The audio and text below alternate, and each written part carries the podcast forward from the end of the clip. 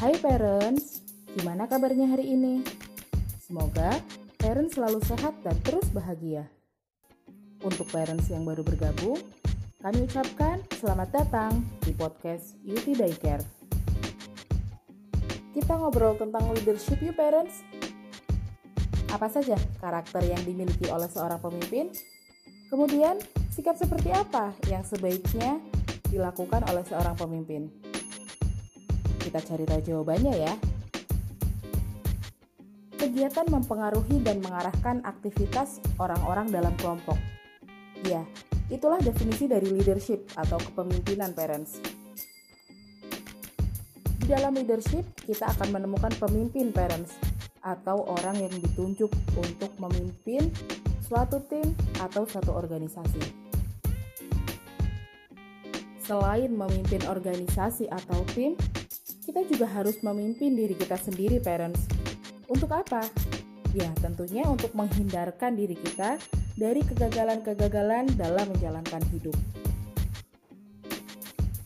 Mungkin masih banyak yang bertanya-tanya, sebenarnya karakter seperti apa sih yang harus dimiliki oleh seorang pemimpin? Sudah tentu, parents, seorang pemimpin itu harus memiliki kepercayaan diri yang tinggi mereka juga harus memiliki integritas serta kejujuran, memiliki kecerdasan dan pengetahuan yang relevan dengan pekerjaan yang sedang mereka emban. Kemudian, mereka juga harus berambisi dan memiliki hasrat untuk memimpin. Sikap seorang pemimpin juga tentunya harus sangat diperhatikan parents.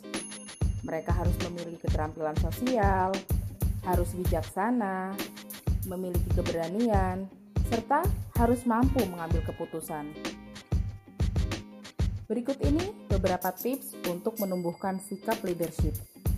Yang pertama, tentunya parents harus disiplin, entah itu dalam kehidupan pribadi ataupun kehidupan profesional. Contohnya, misal ketika di kantor, parents harus selalu tepat waktu.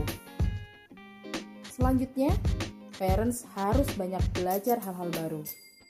Semakin kita banyak belajar, tentunya pikiran kita akan semakin tajam dan peka terhadap situasi yang ada. Selanjutnya, parents juga harus menetapkan tujuan yang kuat. Ketika tujuan kita tercapai, kita juga akan membawa tim menjadi lebih tangguh untuk mencapai tujuan lainnya yang lebih besar. Tips selanjutnya, parents harus membantu memberdayakan rekan sesama tim. Kemudian, parents juga harus memahami kekuatan dan cara menggunakannya. Kekuatan akan bermanfaat besar ketika dimanfaatkan dengan cara yang baik, parents. Demikian sesi ngobrol kita kali ini. Semoga bermanfaat untuk parents, dan sampai jumpa pada episode selanjutnya. Terima kasih.